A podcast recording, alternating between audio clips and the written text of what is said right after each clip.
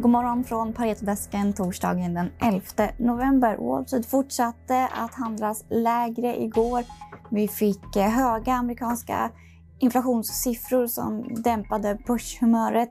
S&P förhandlade stängde på minus 0,8% och Nasdaq minus 1,7% Amerikanska inflationen har nu stigit till den högsta nivån på 30 år. Och den amerikanska tioårsräntan steg igår till 1,55 procent från 1,47 procent. Idag är det Veterans Day så räntemarknaden är stängd så vi har inte riktigt sett full effekt hur det här ska utspela sig och hur det här ska påverka räntemarknaden. Men sannolikt kommer räntan att stiga vilket eh, dämpar aktiehumöret.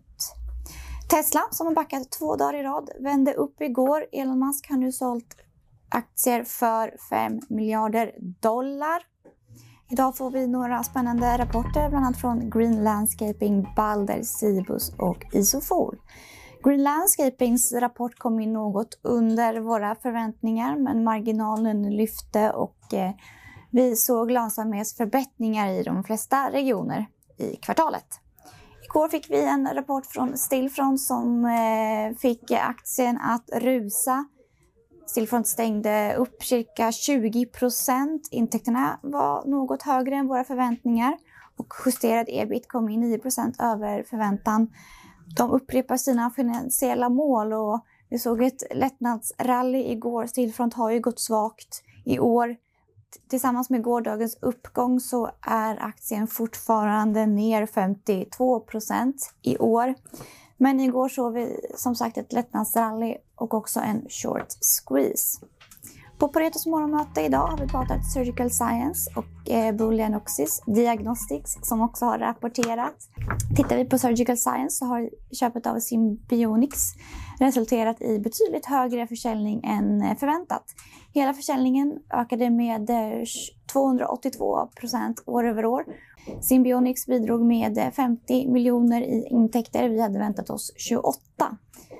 Även den organiska tillväxten var högre än väntat i kvartalet. Efterfrågan ser ut att eh, hålla uppe bra och de långsiktiga drivarna ser ut att gynna Surgical Science på helt rätt sätt.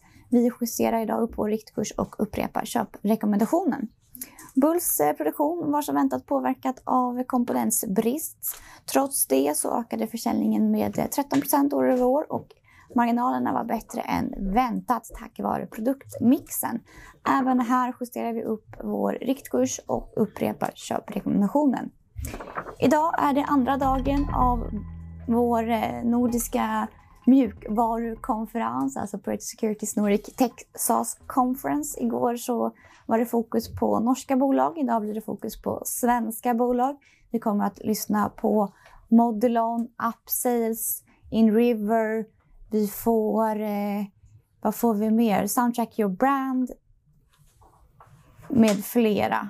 Ja, det var några av dem i alla fall. Vi kommer även få paneldebatter, hur man lyckas i USA och eh, den börjar 10.30 men 10, klockan 10 så inleds konferensen med eh, Anton Wester som jobbar på eh, investment banking här på Pareto och också Stefan Wård som ni känner till.